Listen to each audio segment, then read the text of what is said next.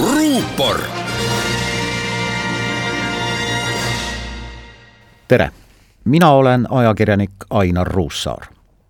üheksanda maini on jäänud veidi üle kahekümne päeva. pronkssõdur seisab kindlalt Kaitseväe kalmistu väravas ja ootab austajaid. Neid, kes ei tähista üheksandat maid Euroopa päevana või kevadise Nigula päevana. Neid, kes ei tähista emadepäeva üheksas kuupäev on sellel aastal nimelt maikuu teine pühapäev ja emade meelespidamise päev. paljudele siin elavatele venekeelsetele inimestele on aga üheksas mai endiselt oluline võidupäev. las ta olla. ilmselt leidub mitte ainult tänavu, mil Teise maailmasõja lõppemisest Euroopas möödub seitsekümmend kuus aastat, vaid ka saja aasta pärast mais neid, kelle jaoks on selle päeva tähistamine oluline kaks aastat tagasi oli päikesepaisteline üheksas mai. pronksmehe juurde käis tookord lilli panemas ja Kaitseväe kalmistu aia taga piknikku pidamas üle kahekümne tuhande inimese. viirust ei olnud ja end Georgi lintidega ehtinud punaseid nelke kandvate inimeste arv ületas kõikide siinsete meediakanalite uudiste künnise inimesed kalmistul olid rahulikud ja sõbralikud, politsei valvas korda küll, aga nii, et neid ei olnud näha eelmisel aastal oli juba viirus ja piirangud, aga need olid siiski veel üsna värsked. pronkssõduri juurde käis lilli viimas ligi viis tuhat inimest. neli korda vähem kui aasta varem. võib-olla aitas sellele kaasa ka Venemaa presidendi Vladimir Putini otsus jätta Moskvas Punasel väljakul ära traditsiooniline võidupüha paraad. aasta tagasi, üheksandal mail kaks tuhat kakskümmend, mil osaliselt Venemaa inforuumis elavad inimesed tähistasid ümmargust seitsmekümne aasta möödumist nii-öelda suurest võidust, diagnoositi Eestis kaheksa uut koroonaviirusesse nakatunut.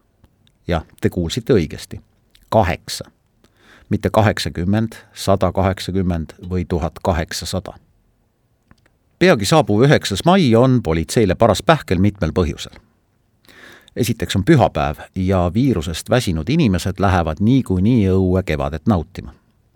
kes Narva rannapromenaadile, kes Toomemäele, kes Reidi teele, kes Georgi lindid rinnas Kaitseväe kalmistule. fakt on see, et massikogunemiste piiranguid üheksandaks maiks ei tühistata ja suurt võitu viiruse üle me tähistada ei saa tavapärasest teistsuguseks muudab maikuu teise pühapäeva politsei jaoks ka seik, et hiljutised meeleavaldused Toompeal ja Tallinna keskväljakul pälvisid kindlasti ka pronksmehe austajate tähelepanu. politsei ütles ju otsesõnu välja, et nendel miitingutel oli provokaatoreid, kes on julgeolekule tuttavad juba kahe tuhande seitsmenda aasta aprilli rahutuste ajast igasugune füüsiline piirang üheksandal mail Kaitseväe kalmistul tekitab paremal juhul trotsi ja pahameelt ma ei kujuta ette pilti, kuidas pronkssõdur on piiratud aiaga ja selle ette on rivistatud mornide mundrikandjate ahelik. kuidagi tuleb aga neid tuhandeid, loodetavasti mitte kümneid tuhandeid kalmistule minevaid inimesi aga ju juhtida. kaks pluss kaks vahemaa hoidmist ja rangelt kohustuslikku maski kandmist on sellel päeval selles kohas ilmselt võimatu tagada. pealegi ei ole tegemist siseruumiga ega kauplusega kalmistu väravale silti maskita klienti ei teenindata, ju ei riputa. ilmselt leiab ka saabuval üheksandal mail kalmistu aia tagant nii mõnegi murul istuva seltskonna, kus pudel käib viirusele vaatamata suult suule. politseil on oma nipid ja oma nõksud. mina neist nippidest ja nõksudest suurt midagi ei tea ja kuna ma ei tea, siis ma usaldan venekeelsete inimeste jaoks populaarsed poliitikud võiksid aga nüüd oma mõju meie kõigi jaoks targalt ära kasutada öelda, et tähistame seda püha sellel aastal veel teistmoodi. karjakaupa kogunemata. sest karja immuunsust veel ei ole.